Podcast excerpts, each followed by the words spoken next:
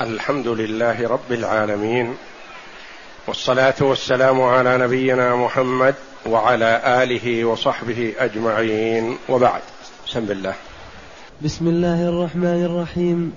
الحمد لله رب العالمين والصلاة والسلام على أشرف الأنبياء والمرسلين نبينا محمد وعلى آله وصحبه أجمعين.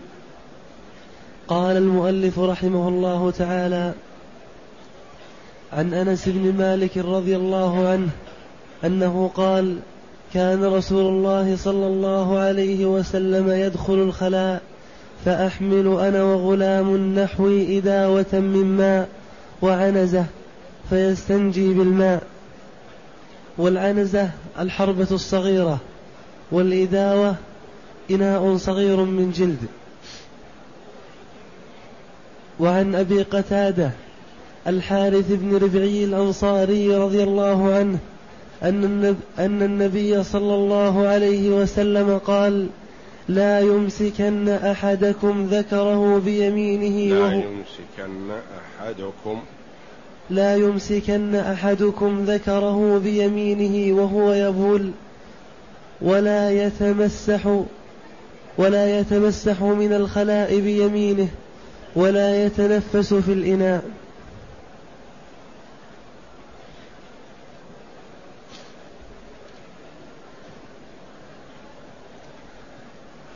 هذان الحديثان من الأحاديث المتفق عليها.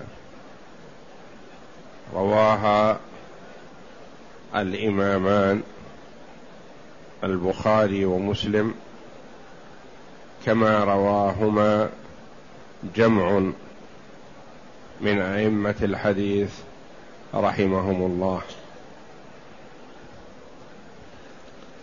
الحديث الأول عن أنس بن مالك رضي الله عنه أنه قال كان رسول الله صلى الله عليه وسلم يدخل الخلاء فأحمل أنا وغلام نحوي معي إداوة من ماء وعنزة فيستنجي بالماء.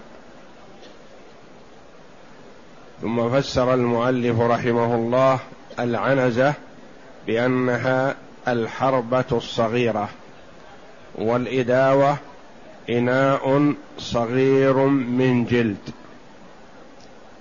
والحديث الثاني عن أبي قتادة الحارث بن ربعي الأنصاري رضي الله عنه أن النبي صلى الله عليه وسلم قال لا يمسكن أحدكم ذكره بيمينه وهو يبول ولا يتمسح من الخلاء بيمينه ولا يتنفس في الإناء. فالحديث الأول رواه البخاري رحمه الله.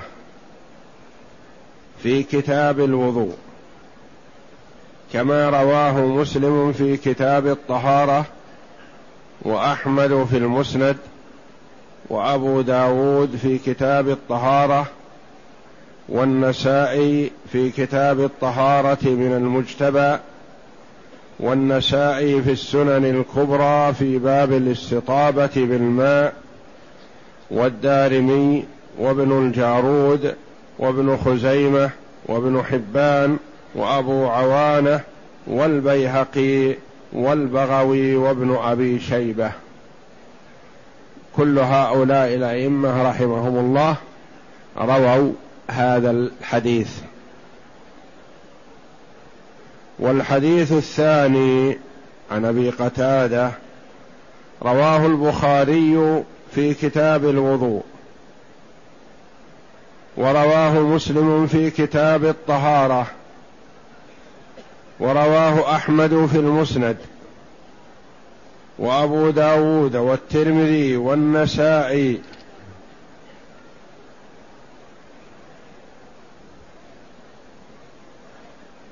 والدارمي وابن ماجه وابن خزيمة وابن حبان وأبو عوانة والبيهقي.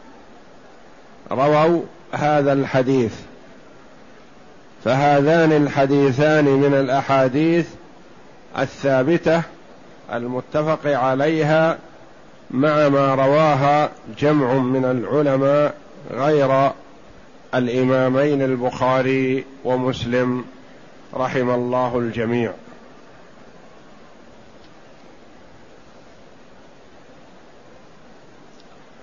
فأنس رضي الله عنه الذي خدم النبي صلى الله عليه وسلم عشر سنين.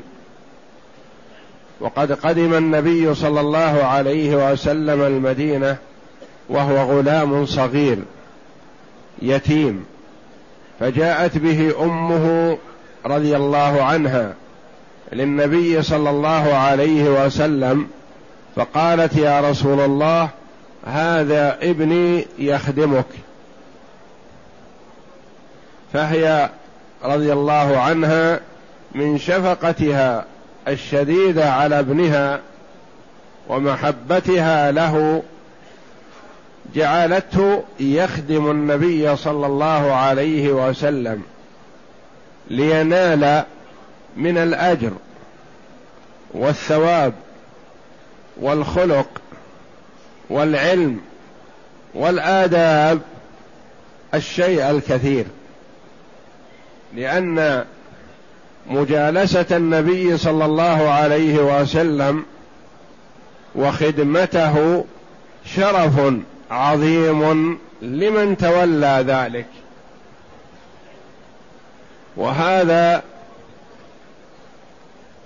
يدل على أنه ينبغي للأبوين الأب إذا كان موجودا هو الأول والأم تليه إذا لم يكن الأب موجودا في أن يحرص على تربية الولد. وأنه حسب ما يوجهانه إليه فإن وجهاه إلى الخير في صغره توجه وإن وجهاه إلى ما سوى ذلك توجه. فمجالسة الأخيار والاشتغال بالعلم والاستفادة من أهل العلم فضل عظيم لمن وفقه الله جل وعلا للعمل بعلمه. فلا يجوز للأبوين أن يقصرا نحو ولديهما.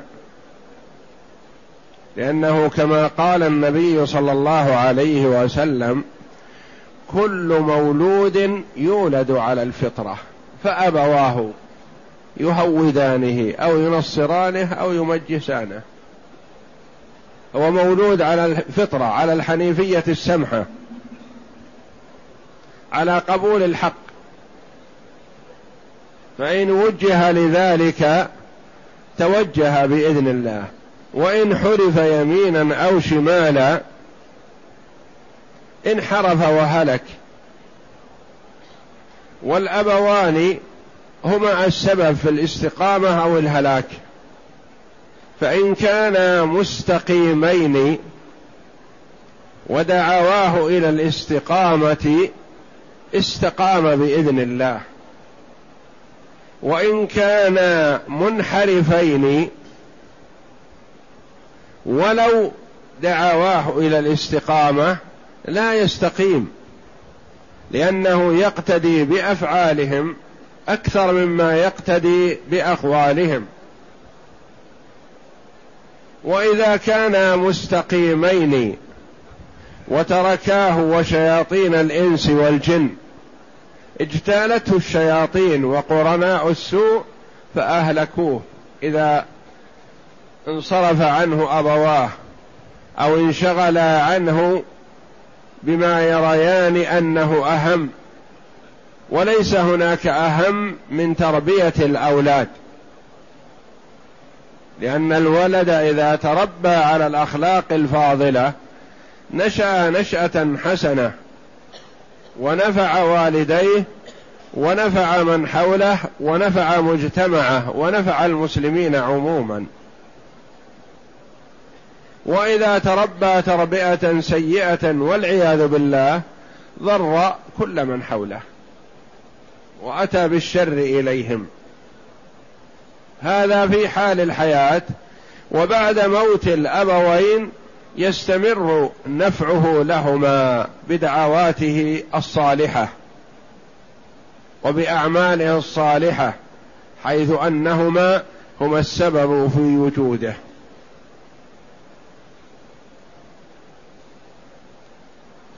فجاءت به أمه رضي الله عنها إلى النبي صلى الله عليه وسلم وهو غلام صغير قالت هذا ابني يا رسول الله يخدمك.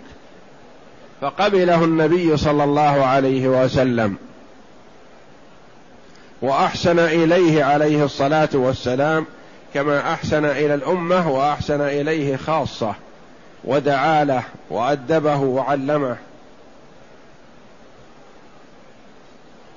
يقول رضي الله عنه كان رسول الله صلى الله عليه وسلم يدخل الخلاء. يعني يدخل المكان المعد لقضاء الحاجة.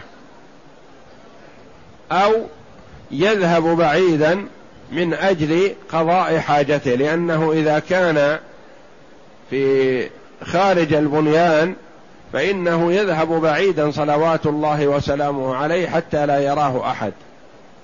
وإذا كان داخل البناء فإنه يكون في المكان المعد لذلك. فأحمل أنا وغلام نحوي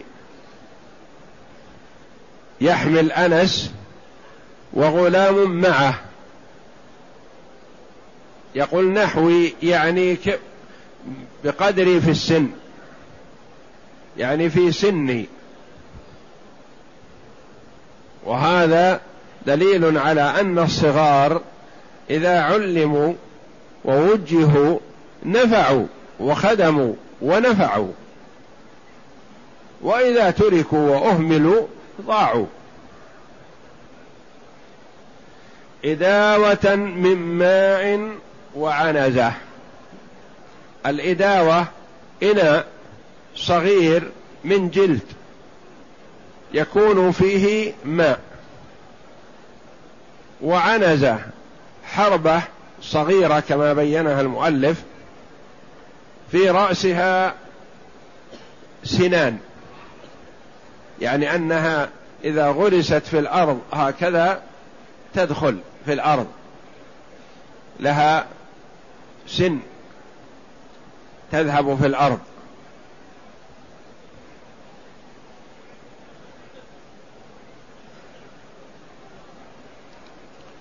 ما الغرض من هذا؟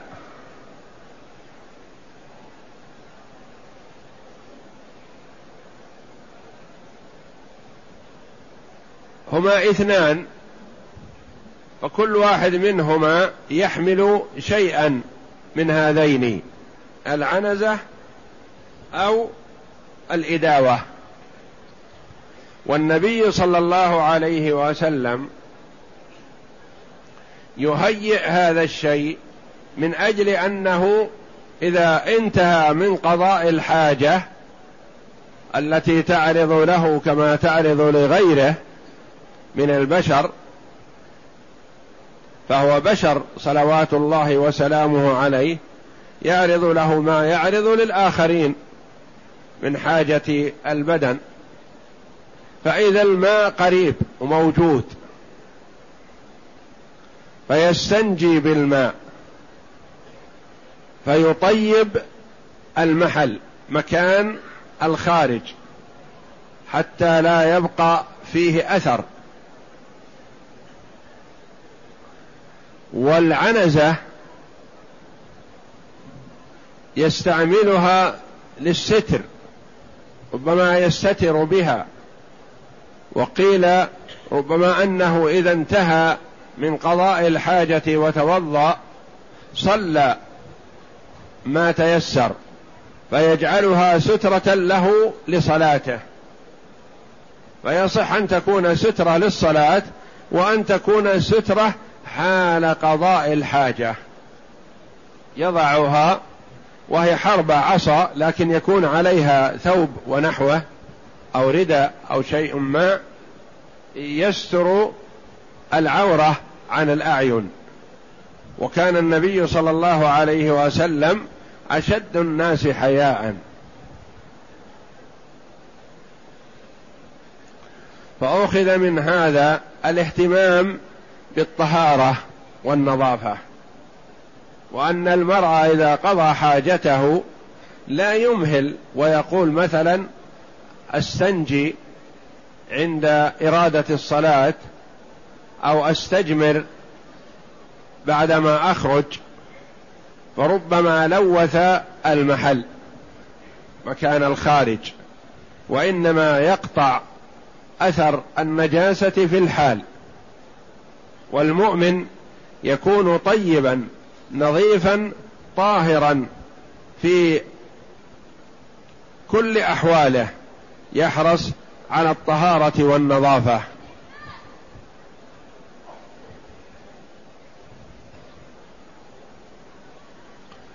وأخذ من هذا أنه يجوز الاقتصار على أحد الأمرين اللذين يتطهر بهما ويستجى ويستجمر بهما.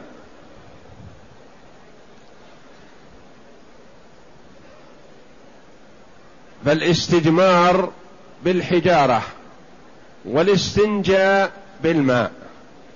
واستعمالهما معا أكمل.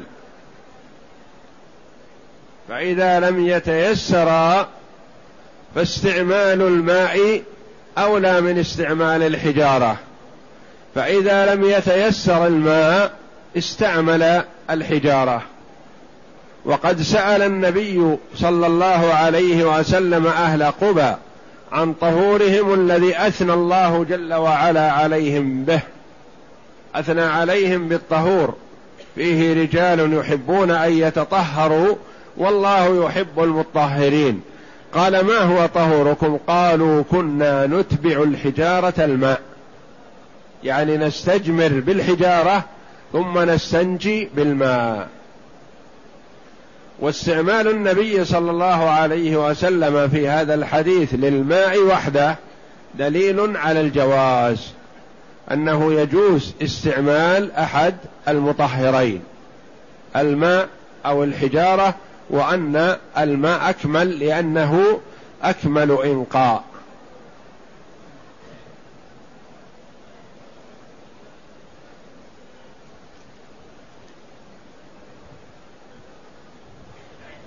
والاهتمام من المسلم في هذا بان يهيئ ما يتطهر به قبل أن يدخل لقضاء الحاجة حتى إذا قضى حاجته لا يلوث نفسه يكون الماء مهيأ.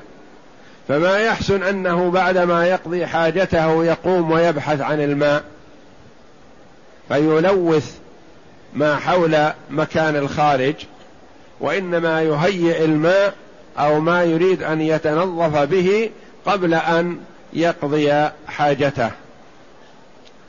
وكذلك الاستعداد للستر. إذا كان يخشى من رؤية آخرين فيستعد بأن يتخذ سترة. وإذا كان يريد أن يصلي فيستعد في اتخاذ ما يلزم لذلك من سترة ونحوها.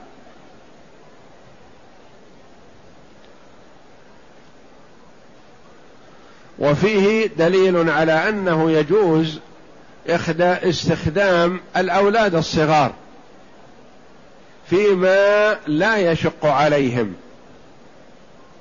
وأنهم لا يحملون ما يشق عليهم. أما ما لا يشق فيجوز استخدامهم في كل فيما يطيقه.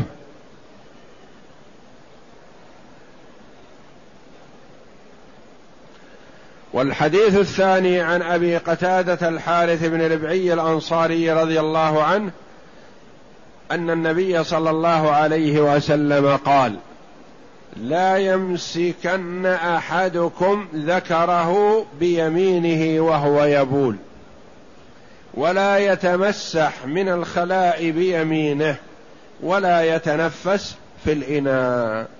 هذه آداب ووصايا من النبي صلى الله عليه وسلم. ودلالة على أن النبي صلى الله عليه وسلم لم يترك صغيرة ولا كبيرة إلا بينها للأمة صلوات الله وسلامه عليه. لم يبين الأمور العظيمة ويترك الأمور السهلة اليسيرة لا بل بين صلى الله عليه وسلم كل شيء.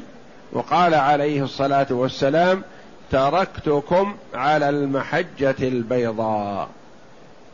المحجة الطريق. يعني الطريق الواضح البين الذي لا خفاء فيه.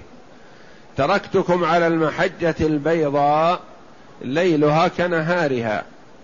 يعني يسير فيها المرء في الليل أو في النهار سواء لوضوحها وبيانها. فيقول صلى الله عليه وسلم للأمة لا يمسكن أحدكم ذكره بيمينه وهو يبول. لا يمسك الذكر باليمين وهو يبول. اولا تكريم لليمين لأن اليمين للأكل والشرب والسلام والأخذ والعطاء ونحو ذلك من الأمور الهامة والأمور الطيبة. فلا يليق أن يمسك ذكره بيمينه وهو يبول يخرج منه البول وربما أصاب اليد اليمين. ثم بعد هذا ربما نشفها ولم يغسلها ثم أكل بها. أو ربما سلم على شخص ما بعد ذلك. وهذا مستكره. والمؤمن يكون نظيفا مهيئا نفسه للخير مهيئا نفسه للطيبات للسلام والأخذ والعطاء والأكل والشرب فتكون يمينه نظيفة. وقوله وهو يبول دلالة على أنه لا حرج في مس الذكر باليمين عند الحاجة في حال عدم البول. لأن النهي صريح في حال البول لأنه يكون عرضة لأن يأتيها شيء من رذاذ البول. ولا يتمسح من الخلاء بيمينه لا يتمسح باليمين. إن احتاج إلى تمسح فيتمسح بالشمال. يكرم اليمين فلا يتمسح فيها لا من البول ولا من الغائط. والنهي هنا نهي كراهة تنزيه والله أعلم. فإذا احتاج المرء إلى ذلك لضرورة فلا حرج. أو فعل ذلك جهلا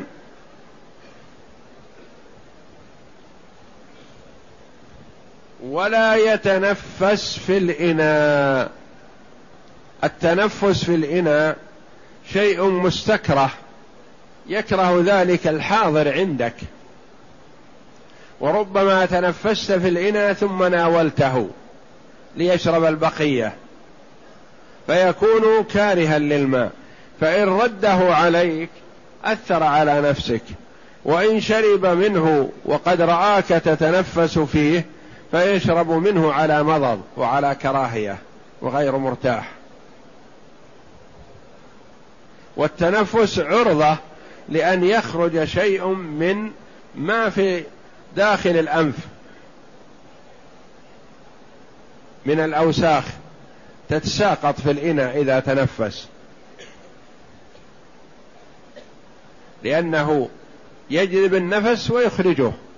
فبخروج النفس يؤثر على الماء وربما يخرج معه شيء غير لائق وغير مستحسن.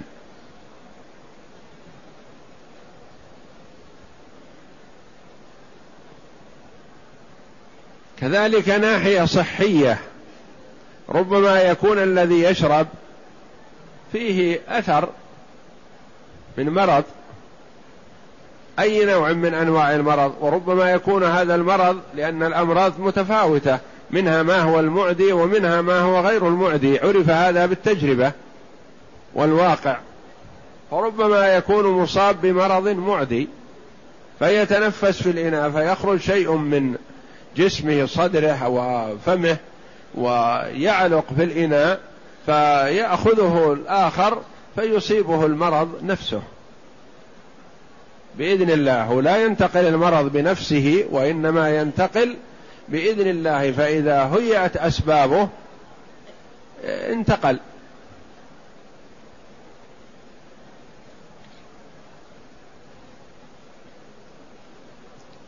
فهذه آداب إسلامية طيبة نظيفة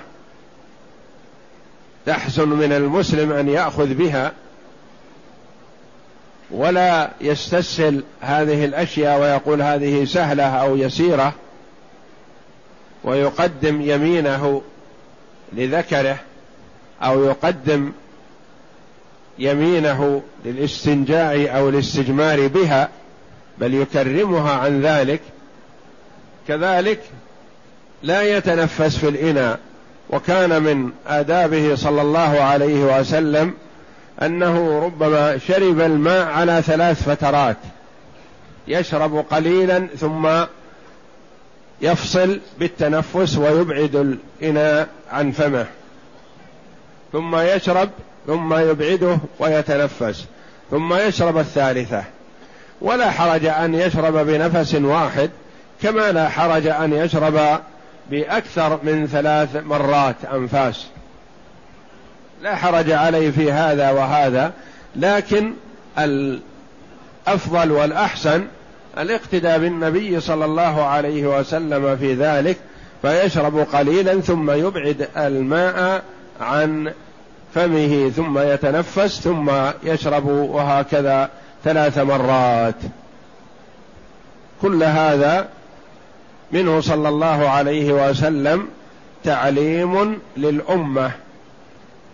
الآداب الحسنة والأخلاق الفاضلة والمظاهر الطيبة الجميلة من أجل أن لا ينتقد عليه في أكله أو شربه أو معاملته لإخوانه المسلمين. والله أعلم. وصلى الله وسلم وبارك على عبد ورسول نبينا محمد وعلى آله وصحبه أجمعين.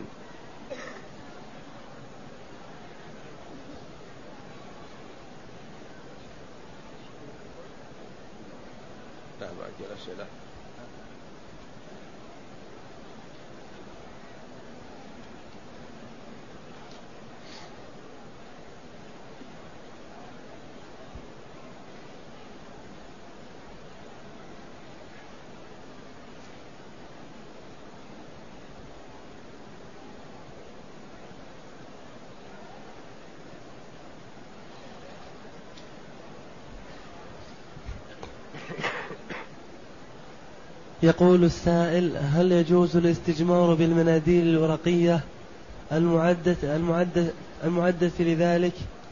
وما حكم الماء؟ وما حد الماء الذي يستن الذي يستنجى به؟ أما استعمال المناديل المعدة لذلك فلا بأس به وهذه حكمها حكم الحجارة لأنها تنقي المحل لكن لا تطهره الطهارة الكاملة كالحجارة. فهذه يجوز استعمالها لكن الأفضل الماء. وإذا استنج استجمر بالمنديل ثم استنجى بالماء فذلك أكمل كالجمع بين الحجارة والماء.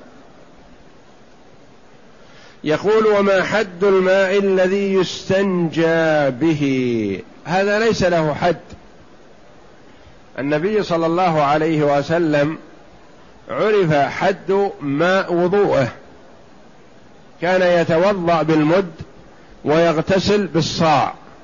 والمد هو ملء الكفين مجتمعتين مرة واحدة للكفين المتوسطتين اللتين ليست بكبيرة ولا بصغيرة.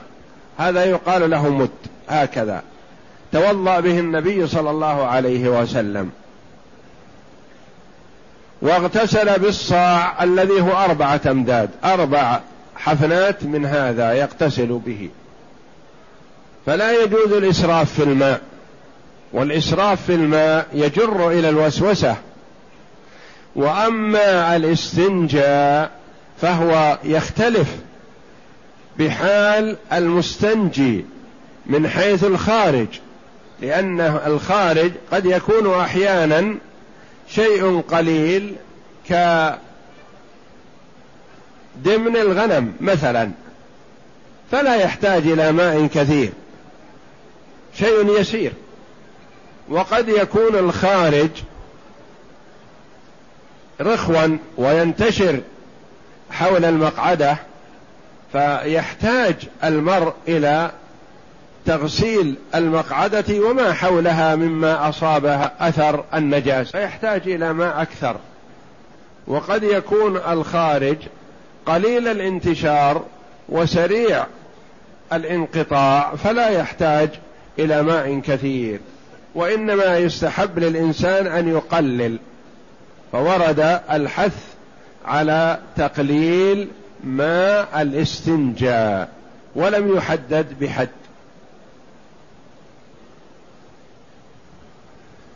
تقليل الماء بحيث ينقي ويطهر. أما أن يستعمله ويقلل الماء بدون إنقاء وطهارة فهذا لا يجوز للمسلم.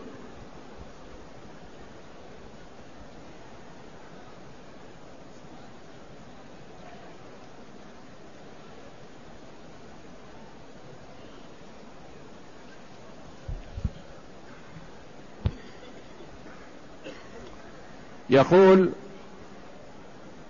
وماذا يقال في من يوجب المشي عدة خطوات بعد الاستنجاء أو الاستجمار وذلك للاستبراء التام. لا هذا ما يجوز لأنه شيء لم ترد به السنة لا يجوز للمسلم أن يأخذ به وهذا قد يجر إلى الوسوسة. وبعضهم مع المشي خطوات ربما تحرك أو قفز علشان يستبرع. وهذا كله من الوسوسة ومن تلاعب الشيطان. نأخذ بما أمرنا به نبينا صلى الله عليه وسلم ولا نتجاوزه ولا نتعداه. لأن التفكير في الزيادة من هذه الأمور تجر المرء إلى الوسوسة. الشيطان يتلاعب به شيئا فشيئا. لأنه لا يفاجئه دفعة واحدة وإنما يأخذه تدريجيا في زيادة الماء في الشك في عدم التنظيف في أن يقول له بعدما تخرج يخرج منك بول فأنت انتظر امش خطوات في مكان قضاء الحاجة تحرك قم واقف واجلس بسرعة وهكذا. هذا كله من تلاعب الشيطان فلا يجوز للمسلم أن يلتفت له.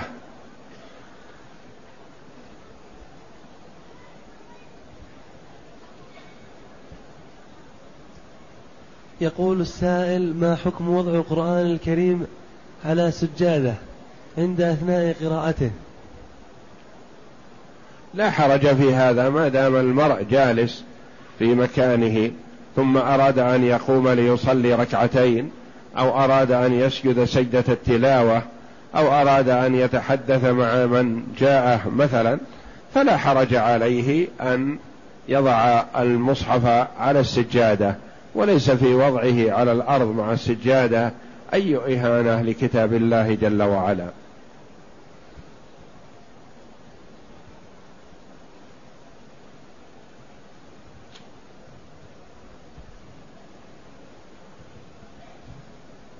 يقول السائل هل يجوز أن نطوف طواف الوداع بعد العشاء؟ علما أننا سنرحل إن شاء الله بعد الساعة, بعد الساعة الثانية عشر. هو لم يرد تحديد للوقت بين الوداع والسفر. المهم أن يكون قبيل السفر. وتختلف الحال باختلاف حال المسافر. قد يكون المسافر وحده ومتحكم بنفسه فهذا نقول له يحسن أن تخرج من طواف الوداع وتسافر. وقد يكون المرء غير متحكم بنفسه أو معه رفقة والرفقة قد يكون كثير وقد يكون قليل. ولكل حالة تحتاج إلى وقت. فحسب الحال فمن كان رفقته كثير وتجمعهم يحتاج إلى وقت فلا حرج عليه باتساع الوقت بين سفره وبين وداعه. وأما الذي يتحكم بنفسه فيحسن أن يكون سفره بعد وداعه مباشرة. ومثل هذا الأخ الذي يقول إنه يودع بعد صلاة العشاء ويكون سفره مثلا قرب الساعة الثانية عشر ليلا لا حرج عليه في هذا إن شاء الله.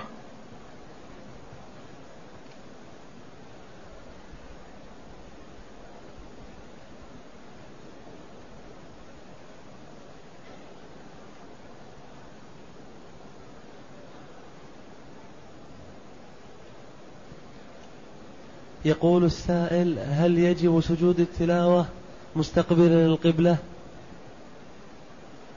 نعم سجود التلاوة تستقبل به القبلة ولا يسجد لغير القبلة.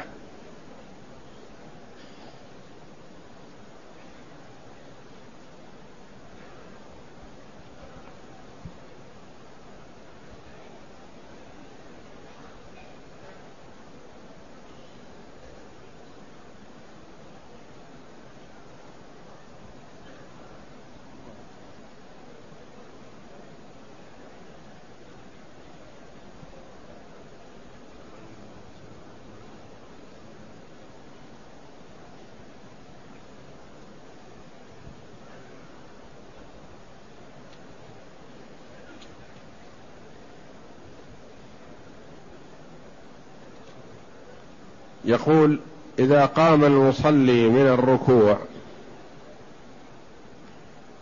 هل يقبض يديه يده اليسرى باليمنى أم يرسلهما؟ وأقول الأولى القبض لأنه حال القيام قبل الركوع يشرع له قبض اليدين هكذا. فيحسن بعد الركوع كذلك أن يقبضهما. فإن أرسلهما فلا بأس الصلاة صحيحة.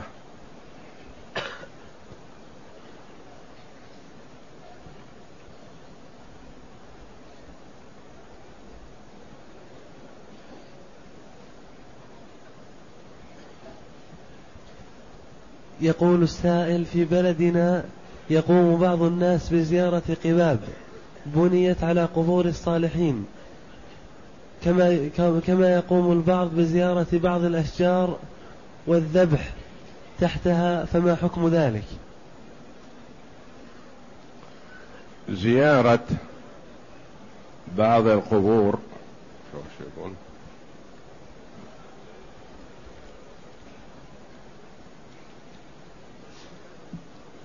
بزيارة قباب بنيت على قبور الصالحين. الزيارة على ثلاثة أنواع زيارة القبور.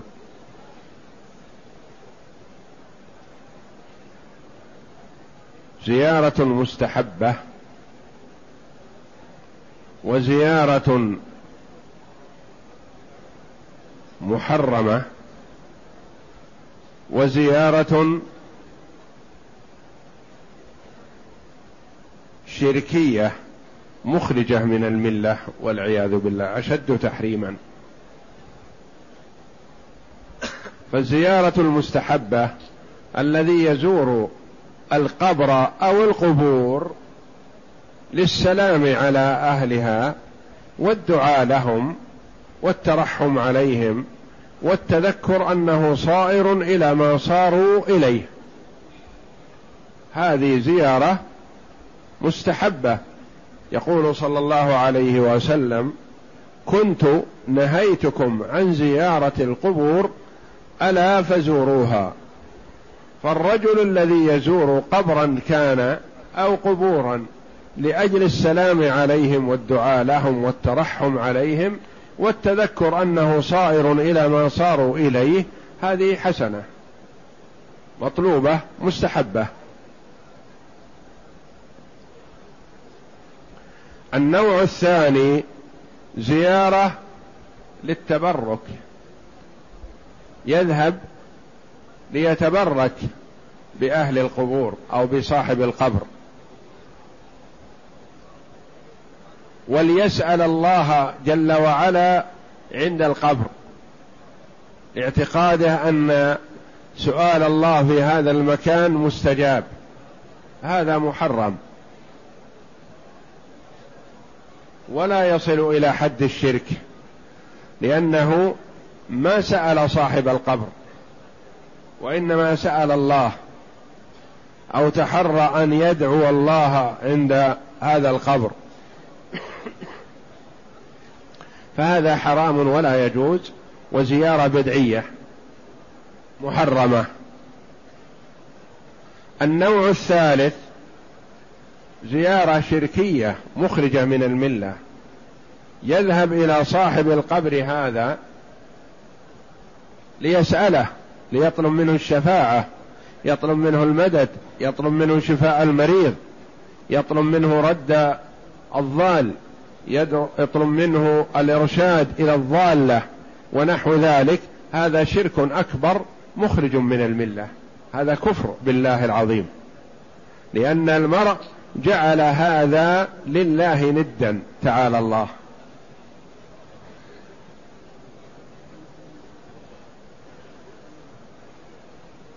فيجوز للمسلم الزيارة من أجل السلام على أهل القبور والتذكر أنه صائر إلى ما صاروا إليه والدعاء لهم. كما قال النبي صلى الله عليه وسلم لما سئل ماذا نقول عند زيارة القبور فقال قولوا السلام عليكم دار قوم مؤمنين وإنا إن شاء الله بكم للاحقون. يرحم الله المستقدمين منا ومنكم والمستأخرين. اللهم لا تحرمنا أجرهم ولا تفتنا بعدهم. واغفر لنا ولهم. هذا طيب. لوروده في السنة. وأما أن تقول أنا حزبني أمر أو أحسست بضيق أو لي حاجة فتذهب إلى القبر من أجل أن تدعو الله.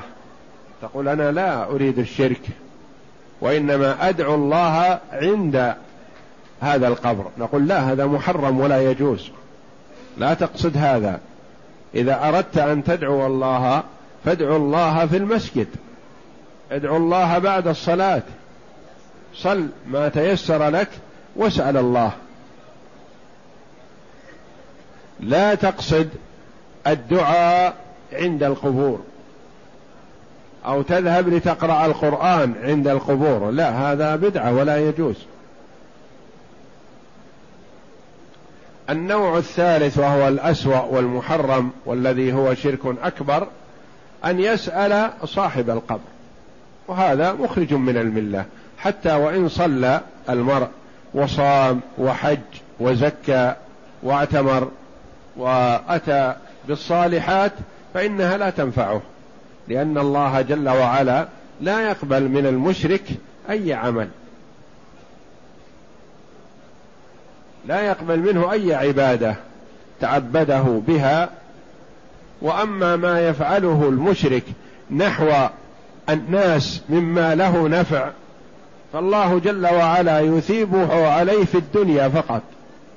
مثلا يكون هذا مشرك لكن يحسن إلى الفقراء يعطي هؤلاء يشفع لهؤلاء له أثر في المجتمع ينفع الناس. هذا لا يضيع عند الله جل وعلا وإنما يعجل الله جل وعلا له ثوابه في الدنيا حتى لا يبقى له حسنة في الدار الآخرة. فعلينا أيها الإخوة أن نفرق بين أنواع زيارة القبور منها ما هو مستحب ومنها ما هو محرم ومنها ما هو كفر. والفرق واضح بينها. المستحب الزيارة الشرعية التي علمنا الرسول صلى الله عليه وسلم. المحرم الزيارة البدعية التي لم يشرعها الله ولا رسوله. الزيارة الشركية الشرك الأكبر. إذا دعا صاحب القبر أو سأله أو طلب منه أمرا من الأمور كفر بالله العظيم والعياذ بالله.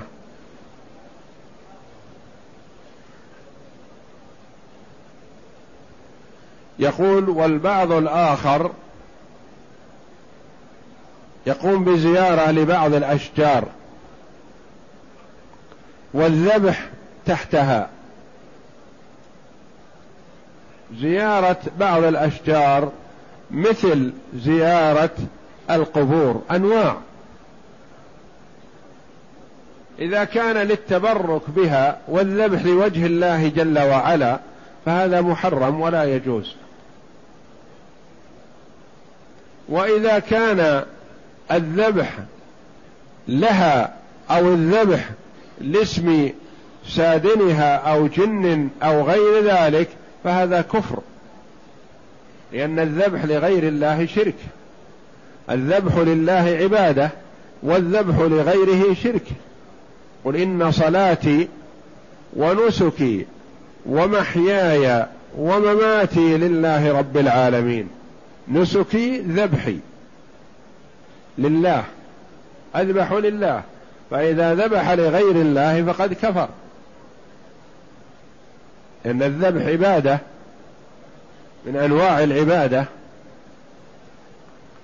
وإذا كان الذبح تحت هذه الشجرة للنزهة ونحو ذلك مثلا خرج في البرية للنزهة وذبح تحت شجرة على اسم الله جل وعلا ولم يخصص شجرة بعينها. أي شجرة مثلا ذبح تحتها لأجل أن يأكل ذبيحته هذا شيء مباح.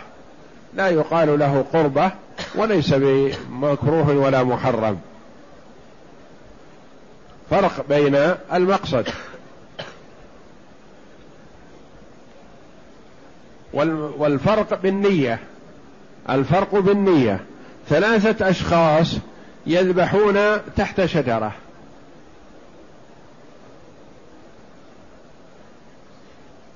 أحدهما واحد كفر بذبحه والآخر ارتكب محرم ولم يصل إلى حد الكفر والثالث لا شيء عليه.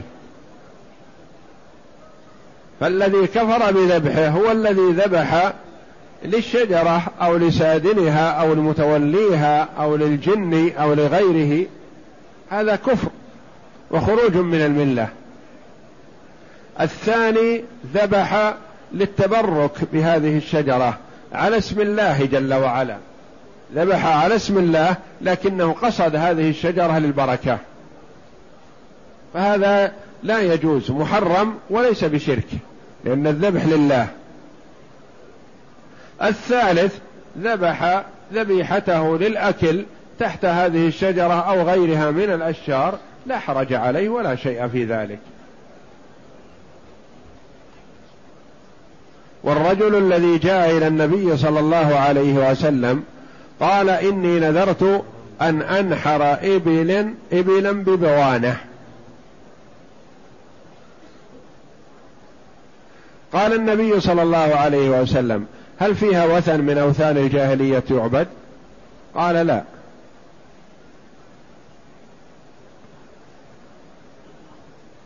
هل فيها عيد من أعيادهم؟ يعني يترددون عليها للبركة؟ قال لا. قال أوف بنذرك. مثل من قال مثلا إني نذرت أن أذبح ذبيحة في روضة كذا أو في فيضة كذا أو في تحت شجرة كذا مثلا ليغدي أو يعشي إخوانه أو زملائه مثلا. فيسأل هل تقصد البركة من هذه الشجرة أو من هذه الروضة أو من هذا البستان؟ فقال لا ما أقصد شيء إنما أجمع زملائي أو إخواني أو أقاربي وأغديهم أو أعشيهم في هذا البستان بذبيحة أذبحها. نذرت ذلك لوجه الله. نقول أوف بنذرك. آخر قال نعم. نذرت أن أنحر شاة مثلا في حديقة كذا أو في روضة كذا أو تحت شجرة كذا. نقول لما؟ يقول لأن هذه الروضة أو هذه الشجرة أو هذه الحديقة مباركة. فأنا ألتمس البركة من ذبحي فيها. نقول لا هذا حرام عليك ولا يجوز. فالأمر واضح وجلي والمرء يتوجه إلى الله جل وعلا ويتوجه إلى الله جل وعلا بعمله وقصده. إنما الأعمال بالنيات. هذا حديث عظيم. إنما الأعمال بالنيات. كل عمل بحسب نيته. كما قال عليه الصلاة والسلام فمن كانت هجرته إلى الله ورسوله فهجرته إلى الله ورسوله. ومن كانت هجرته للدنيا يصيبها وامرأة ينكحها فهجرته إلى ما هاجر إليه. اثنان هاجرا من بلاد الكفر مثلا إلى بلاد الإسلام. أحدهما هاجر فرارا بدينه ولاعلاء كلمة الله هذا لله ورسوله. وآخر هاجر من بلاد الكفر إلى بلاد الإسلام لأن التجارة في بلاد الإسلام مربحة. وممكن أن يحصل على عمل ومرتب جزل يستفيد منه. فهذا هجرته إلى ما هاجر إليه إلى دنياه. ولا يؤجر على هجرته.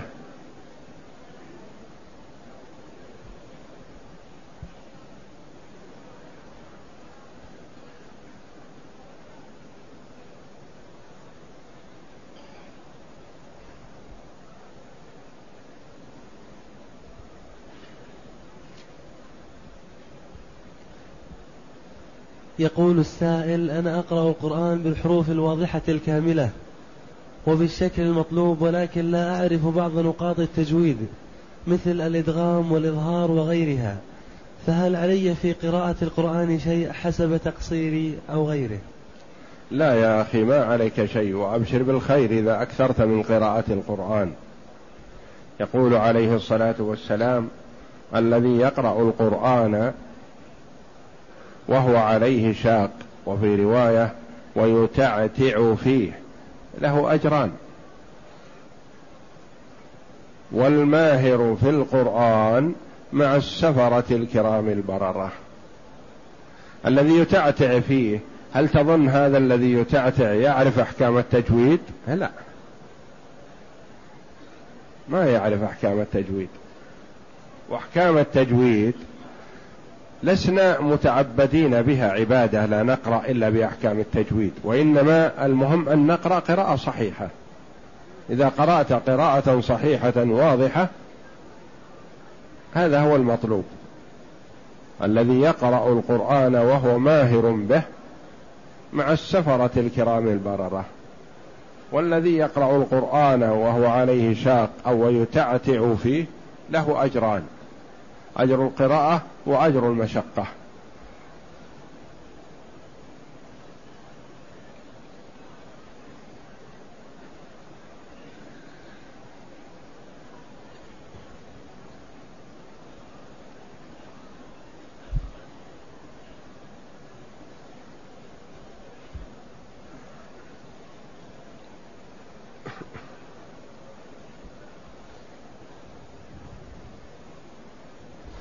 يقول السائل حجيت وزرت المسجد النبوي ثم زرت قبر الرسول صلى الله عليه وسلم ومقابر الصحابة والشهداء رضي الله عنهم جميعا.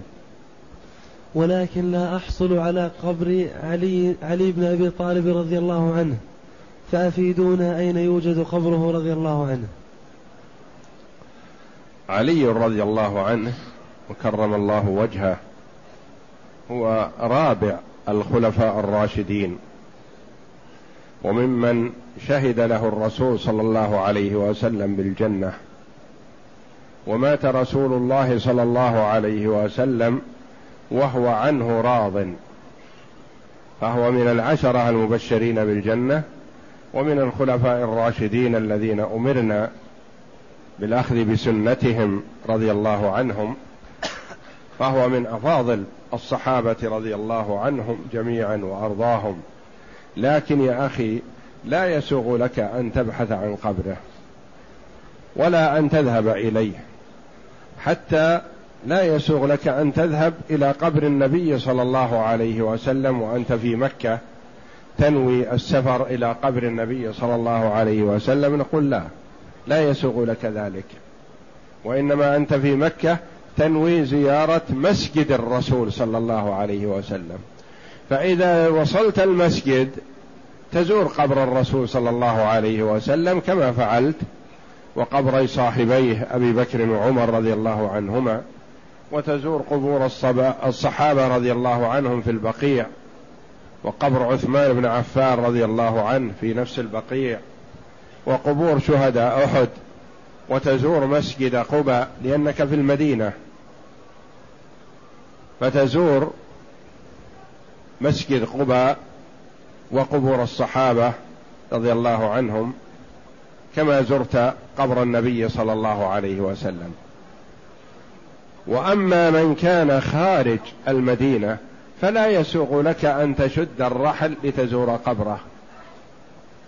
لا ترحل لزيارة قبر علي رضي الله عنه وأرضاه. ولا ترحل لزيارة قبر الحسن والحسين رضي الله عنهما وهما سيدا شباب الجنة رضي الله عنهم وأرضاهم. وتجب محبتهما وموالاتهما ومحبتهما دين ندين الله به لأن النبي صلى الله عليه وسلم يحبهما ونحن نحب ما يحبه الرسول صلى الله عليه وسلم. أما أن نبحث عن قبورهم للزيارة لا يا أخي.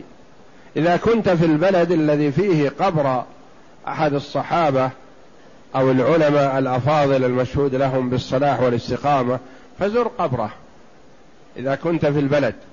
وأما أن تقول مثلا أنتقل من مكة من أجل زيارة قبر الإمام مالك مثلا رحمه الله أو قبر الإمام الشافعي أو قبر أبي حنيفة أو قبر الإمام أحمد أو قبر غيرهما من المشايخ والعلماء فلا يجوز هذا. لا يجوز أن تتعمد السفر لزيارة قبر من القبور حتى ولا قبر الرسول صلى الله عليه وسلم. لأن النبي صلى الله عليه وسلم حدد الأماكن التي تستحب شد الرحال إليها الانتقال إليها حددها ثلاثة أماكن في العالم فقط. هي المسجد الحرام والمسجد النبوي والمسجد الأقصى خلصه الله من أيدي اليهود. هذه المساجد الثلاثة هي التي تشد إليها الرحال. وأما أن نرحل لزيارة مشهد من المشاهد فلا فهذا محرم ولا يجوز في معصية للرسول صلى الله عليه